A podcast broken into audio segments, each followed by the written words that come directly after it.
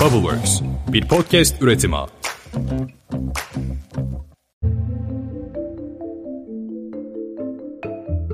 Elizabeth babasının ölü bedeninin bulunduğu odadan çıktı. Koridorun ortasında onu bekleyen annesine, kız kardeşine ve kocasına doğru yaklaştı. Yaklaşık dört adım gerilerinde durdu ve tek bir noktaya odaklandı. Yeterince şoktaydı. Annesi ona doğru yaklaştı, yanağına soğuk bir öpücük kondurdu ve sonra kraliçe olduğunu ona anlatan ilk hamleyi yaptı. Önünde selam verdi geri çekildi ve kardeşim Margaret yanağına korku dolu ve belirsizlik içerisinde bir öpücük bıraktı. Elizabeth tek bir noktaya odaklanmıştı ve hiçbirinin yüzüne bakmıyordu.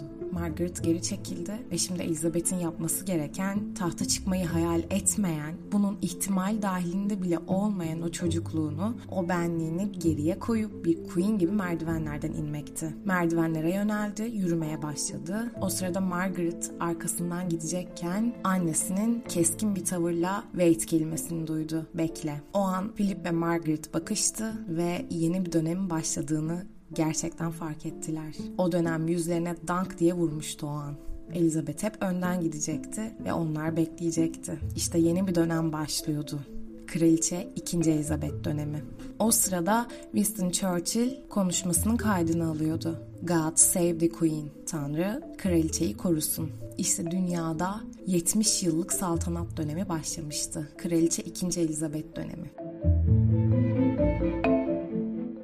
Herkese selam. Ditopik Düşüncelerin 7. bölümüyle karşınızdayım. Ben Dilara. Bugün ne anlattı bu kız, ne konuştu diyecek olursanız punktum anını konuşuyoruz. Peki nedir bu punktum? Esasında punktum bir fotoğrafçılık terimi. Fotoğrafın içerisinden beklenmedik şekilde çıkan ve aniden kişiselleştirilen anlam. Peki biz bugün punktumu ne olarak ele alacağız? Aslında punktumu şöyle anlatabiliriz. Punktum izlediğimiz ya da okuduğumuz ya da içerisinde bulunduğumuz herhangi bir anın aklımızda kalan nokta atışı anı. Yani bir kitap okuduk, bir film ya da dizi izledik ya da bir anın içinde bulunduk. Aklımızda o bütün hepsi an be an şekilde kalmıyor ki. Bütün kitabı hatırlamıyoruz. Bütün dizinin ya da filmin ayrıntılarını aklımızda tutmuyoruz. Yaşadığımız anı, anıyı her şekilde dakikası dakikasına, saniyesi saniyesine aklımızda tutmuyoruz. Ama belirli anlar aklımızda aklınızda kalıyor. İşte bunlara punktum anı deniliyor. Okuduğunuz kitabın ya da izlediğiniz filmin, dizinin nokta atışı anları sizde bırakan etkisi aklınızdan gitmeyen, o filmin ya da kitabın adı geçtiğinde aklınıza ilk gelen anı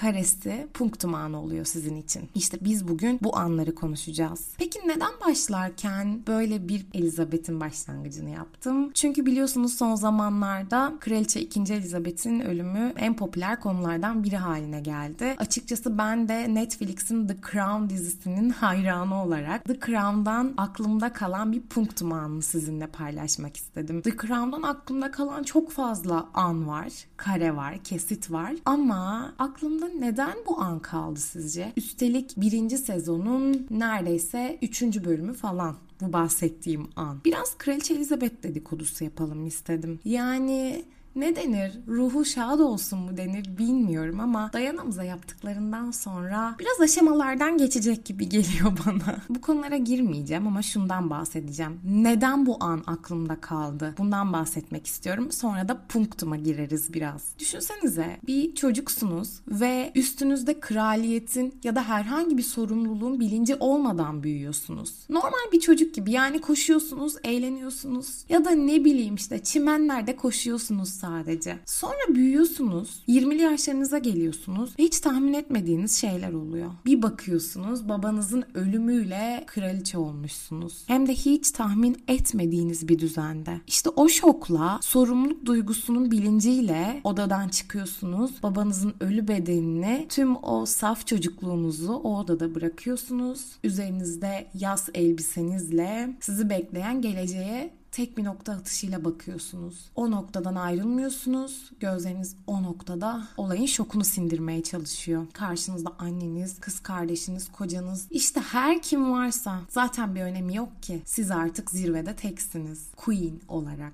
Yani bu anı neden aklımda kaldı diye tekrar düşündükçe ben hep şunu söylüyorum. Bence Kraliçe 2. Elizabeth bunu hiç istemezdi. Yani 70 yıllık saltanat süreceği bir dünyada kraliçe olmayı, bütün bu sorumlulukları üstlenmeyi, hiçbir şey yapmıyor gibi dururken eminim öyle söylüyorsunuz. Ne yapıyor ki Dilara Allah aşkına? Bunu söylüyor olabilirsiniz ama yani sonuçta belki de hayatının en deli dolu yaşayacağı anlarında bir anda incilere ve hanım hanımcık elbiselere gömülen bu kadın belki de böyle bir hayatı hiç istemezdi. Belki de dünyayı dolaşarak festivallere katılan ya da ne bileyim eşiyle istediği gibi partiler veren, arkadaşlarıyla dünyayı gezen biri olmak istiyordu. Ama 70 yıllık bir kraliçe oldu onun yerine. Bence bunu kimse istemezdi ve o da istemezdi ama tabii ki o zamanın getirdiği monarşi hayranlığı ya da monarşi sorumluluğu diyelim ona 70 yıllık bir kraliçe olmayı getirdi. Bu kraliçelikle birlikte belirli sorumluluklarınız oluyor. Belirli ülkeleri gezmek zorundasınız. Herkes sizin ayaklarınıza kapanmak zorunda. Kocanız size itaat etmek zorunda. Bunu kim ister ki? Bence gerçekten kimse istemez. Evlilik kavramı eriyip gidiyor. Yerlere dökülüyor. Siz bir queensiniz. Bu kraliçelikle birlikte insanların evliliklerine karar veriyorsunuz. Yani bunu kim ister? Kraliçe olmak için bütün bunları yapmayı gerçekten bence kimse istemez. Elizabeth de bence böyle bir hayata sahip olarak aslında yeterince bedel ödedi gibi geliyor bana. Dayana kısmına tabii ki bir şey söylemiyorum. Onu orada hallediyorlardır herhalde.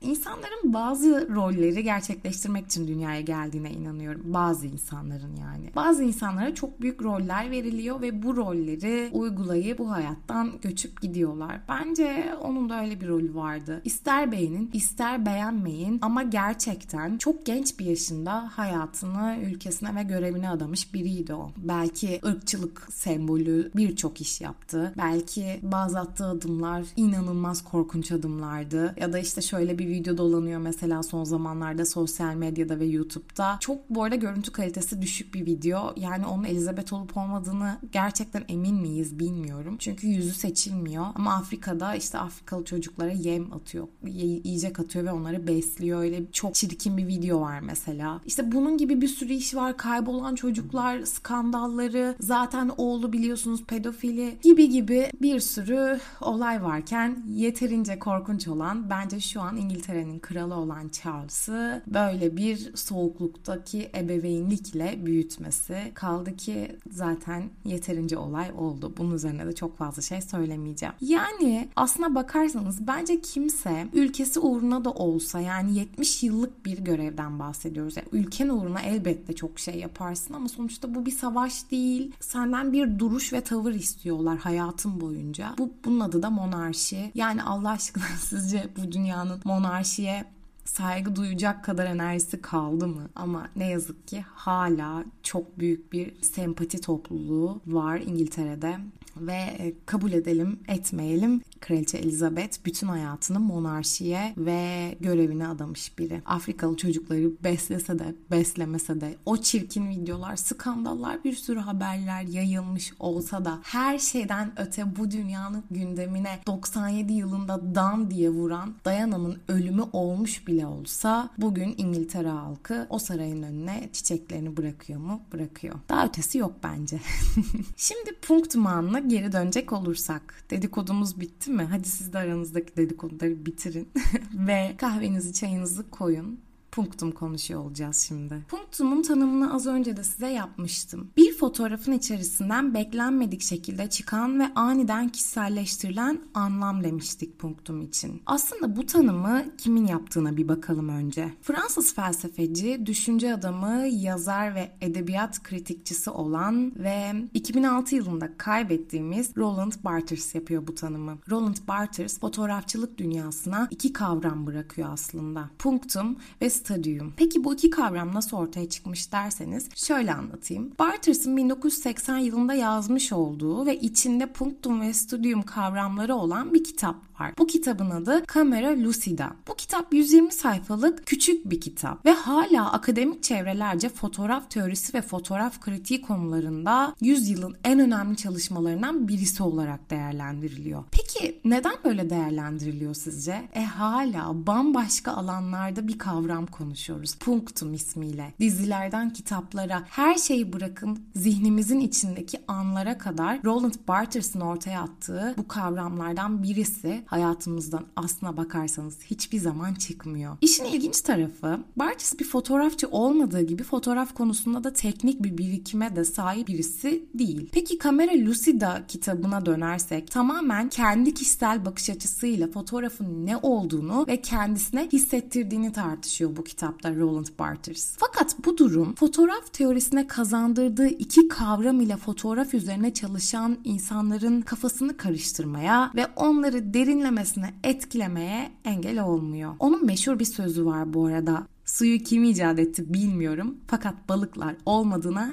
eminim diye. O yüzden bir konuyu bir alanı, çalışma alanını konuşmak için orada uzman olmanıza gerek yok. Bazen sizin hissettiğiniz durumlar o alandaki uzman kişilerin hissedeceği konulara ilham olabiliyor. İşte bu yüzden bazı düşünce insanları iyi ki var. Barters'a geri dönersek, Roland Barters için Punctum ve Studium fotoğraf içerisinde aynı anda bulunan fakat birbirlerinden tamamen bağımsız ve birbirlerine uzak olan iki kavram. Şimdi Punctum'un ne olduğunu konuştuk. Studium için hiçbir şey söylemedik. Stadyumda şöyle, fotoğraf içerisinde hangi anlamların yer aldığını anlamamızla ilgili bir durum. Fotoğraf içerisindeki anlamlar arasındaki benzerlikleri ve ilişkileri araştırıp onları kendi bakış açımıza göre değerlendirip fotoğrafı anlamlandırma isteğimizden dolayı hemen hemen her fotoğrafa gösterebileceğimiz ilgiyi anlatıyor stadyum. Yani stadyum inceleme, irdeleme, yorumlama, işte kafa yorma ve bunların ardından elde edilen sonuçta da fotoğraftaki bir şeye ilgi duymayı, fotoğrafı anlam kazandırma süreci sürecini ifade ediyor diyebiliriz. Stadyum fotoğrafın böyle içerisindeki simgeler, semboller ve anlamlar arasında bir ilişki kurmaya dayalı bir sistem aslında. Tam bu noktada siz bu irdelemelerinizi, incelemelerinizi yaparken işte punktum geliyor ortaya. Fotoğrafın içerisinden beklenmedik şekilde sızıyor ve aniden kişiselleşiyor. Aslında anılar da böyle değil mi? Fotoğrafın içinden ya da zihninizin içindeki andan çıkıp sizi delip geçen anlam olarak bahsedemez miyiz punktumdan? Sadece bir fotoğraf olmasına gerek yok. Zaten zihnimizin içi bir fotoğraf albümü değil mi? Hani videonun, filmin tarihinin ilk zamanlarında aslında video tekniği fotoğrafların seri bir şekilde, seri bir halde üst üste bindirilerek oluşmasıyla ortaya çıkmamış mı? Aslında zihnimizi de kabaca ele alırsak böyle bir yerden geliyor. Anlarımız fotoğraf kareleri halinde üst üste biniyor ve bize bir hayat videosu olarak zihnimizin içinde yer alıyor. İşte bizim hiç unutamadığımız anlarımız da fotoğrafın içinden çıkıp zihnimizi, kalbimizi delip geçen anlamlar olarak ifadeler etmeye başlıyor bizim için. Aslında biraz psikolojiye girersek travmalarımız için de bu karanlık punktum anlarımız diyemez miyiz? Bazı psikolojik teknikler var, psikoterapiler var. Bunlardan biri de mesela EMDR. EMDR tekniğini çalışan insanlar varsa terapistleriyle ben de bu insanlardan biriydim. Travmalarımızı nötrleme tekniği aslında bu. Eğer punktum böyle karanlık punktum varsa EMDR tekniğini araştırmanızı tavsiye ederim ve gerçek tanımını, doğru tanımını diyeyim, iyi bir terapistten duymanızı tavsiye ederim. Bu da küçük bir not olsun. Punktuma ve stüdyuma geri dönersek, punktumun anlamını barındıran obje fotoğraftaki herhangi bir şey olabileceği gibi bir fotoğraf içinde bu anlamı izleyiciye veren hiçbir şey de olmayabiliyor. Yani punktum tamamen kişisel ve açıklamasına gerek olmayan bir etki. Punktumu analiz edip etkinin sebebini anlamaya çalışmak zaten biraz stadyuma giriyor. Çünkü biliyorsunuz hani stadyum irdelemek, analiz etmek. Tüm izleyiciyi delip geçen bir esrar Bir nevi o anın, fotoğrafın, dizinin, izlediğiniz filmin, okuduğunuz kitabın büyüsü. Fotoğrafın içine ya da anın içine gizlenmiş. Aslında hiç beklemediğiniz bir anda sizi sarsan o an. Beklemiyordunuz. E çünkü beklemediğiniz için o zihninizden hiç gitmeyen kare olarak kalıyor. Tamamen size özgü bir şey oluyor. Yani punktumu siz belirli bir nesnel durum, bir bulgu olarak sunamazsınız.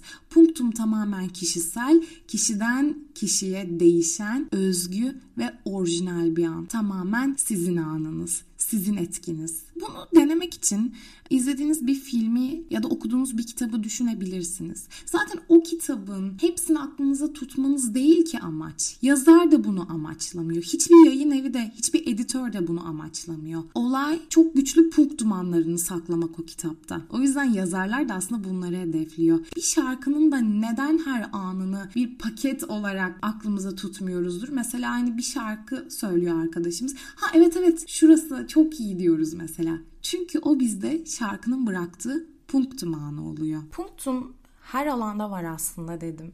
E tabii ki mimaride de var. Aslında bu mimarlık öğrencileri için bence bayağı güçlü bir öneri ve bayağı güçlü bir metafor. Bunu projelerinizde kullandığınız sürece bence her daim başarıya ulaşırsınız. Ki belki de bu şimdiye kadar daha önce sözü edilmemiş ama aslında hep konuşulmuş da tanımı yapılmamış bir püf noktasıdır. O yüzden yazın bunu kenara. Evet punktum mimarlıkta da var. Size 3 örnekte, 3 yapıda, 3 mimaride bunun örneğini göstereceğim. İlk örneğim Frank Lloyd Wright'ın Şelale Evi. Evet şu çok meşhur olan, herkesin çok iyi bildiği, daha doğrusu her mimarın çok iyi bildiği meşhur Şelale Evi. Frank Lloyd Wright bu evi 1935 ve 36 yıllarında yapıyor ve 20. yüzyılın modern mimarlık kütle etkisinin dönüm noktalarından birini yaratıyor. Ama bunlardan bahsetmeyeceğim. Bunların hepsini koyun bir kenara. Mimarlık öğrencileri belki de ilk defa duymuştur Frank Lloyd Wright'ı ve onun Şelale Evi'ni. O yüzden hemen Google Google'layın ya da kitap aldıysanız sayfalarını hemen çevirin. Mutlaka bulacaksınızdır. Ama bilen mimarlar ya da bu konuyla alakalı olanlar ve daha önceden bilenler bir düşünsünler. Şelale evi deyince aklınıza ilk ne geliyor?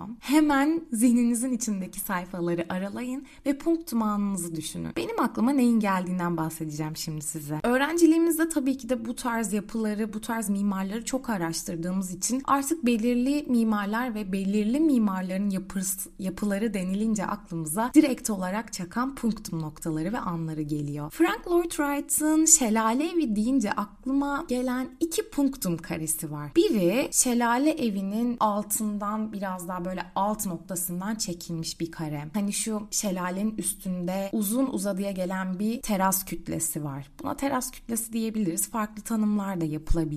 Payandalarla desteklenmiştir bu teras ve onun altından şelalenin ilk büyük kısmı akar. Bu payandaların altından bir nevi ayaklarının altından. Yani şelale evini şöyle bir düşünüyorum. O kareyi gözlerimin önüne getiriyorum. Şelale evinin payandalarını ayak olarak düşünürseniz ayağın üstünden yekpare bir şekilde gelen teras kütlesini onun eteği gibi düşünürseniz eteğin altından payandalar ayaklarıyla duruyor ve şelalenin suları bu yapının ayaklarının altından akarak gidiyor. İşte bu bu kadar unik bir kare ve benim aklımda kalmış en unik kan şelale evine dair bu. İkinci karesi de var. Açıkçası bu ikisini hmm, çok fazla ayırt edemedim. Yani ikisini de söylemek istedim. Yani tek bir punktuman olmayabilir ya da birinin etkisi diğerinden daha da fazla olabilir. İkinci kare ise şu. Payandaların ayaklarının hemen yan tarafında merdivenlerden su birikintisine iniyorsunuz. Bir başka teras döngüsünün altından bu fotoğraf. Tam olarak aslında öyle küpeşte denebileceğimiz o 95 santim yükseklik yükseklikten kendinizi böyle geriye doğru çekin. Aslında bu render alırken 3ds Max'te bu böyle bir tuşu var. Ona bastıkça kamera geri geri gider. Tam olarak öyle düşünün. Kameranın tam o 95 santim yükseklikten geri geri gittiğini düşünün. Çünkü göz hizası orada. O dönüşün altından gelen merdiven düşünün. İşte o merdiven o şelalenin üstündeki su birikintisine çıkıyor. Bu punktum anını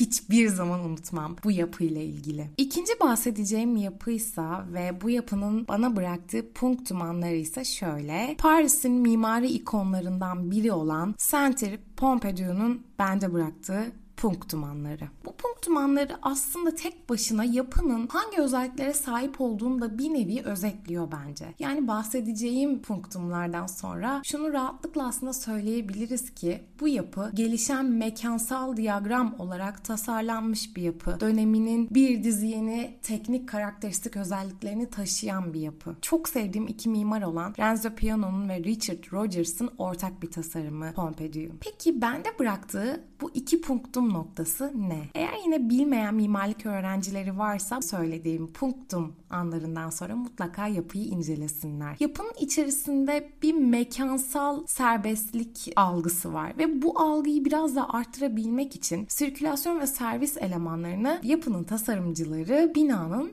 dışına taşımışlar. Yapıyı dolaşan asansör ve yürüyen merdivenler var yani bildiğiniz. Taşıyıcı sistemin bulunduğu meydan cephesine bunu yerleştiriyorlar. İşte bendeki birinci punktum noktası bu yapıya dair burada çıkıyor. Kocaman bir böyle tüp şeklinde ve altına pembemsi kırmızı bir destek attıkları ve bunu tamamen aslında renk punktumu olarak düşündüklerine emin olduğum bir tasarım ögesi var. Bu bahsettiğimiz sirkülasyon sistemi yapının taşıyıcı sistemine yerleştirilmiş. İşte benim ilk punktumum bu Pompidou'ya ait. Altındaki o renk sistemini asla asla unutamıyorum. Ve o tüp sistemi hiçbir zaman aklımdan çıkmaz. Pompidou denince aklıma gelen ilk punktum anı budur. İkinci punktum anı da var tabii. Çünkü nedense böyle tek bir punktum anı olarak gelmiyor aklıma bu yapıları düşününce. Pompidou'nun birçok bağlamda oldukça radikal, fütüristik, yenilikçi ve öncü bir tasarım olduğunu söyleyebiliriz.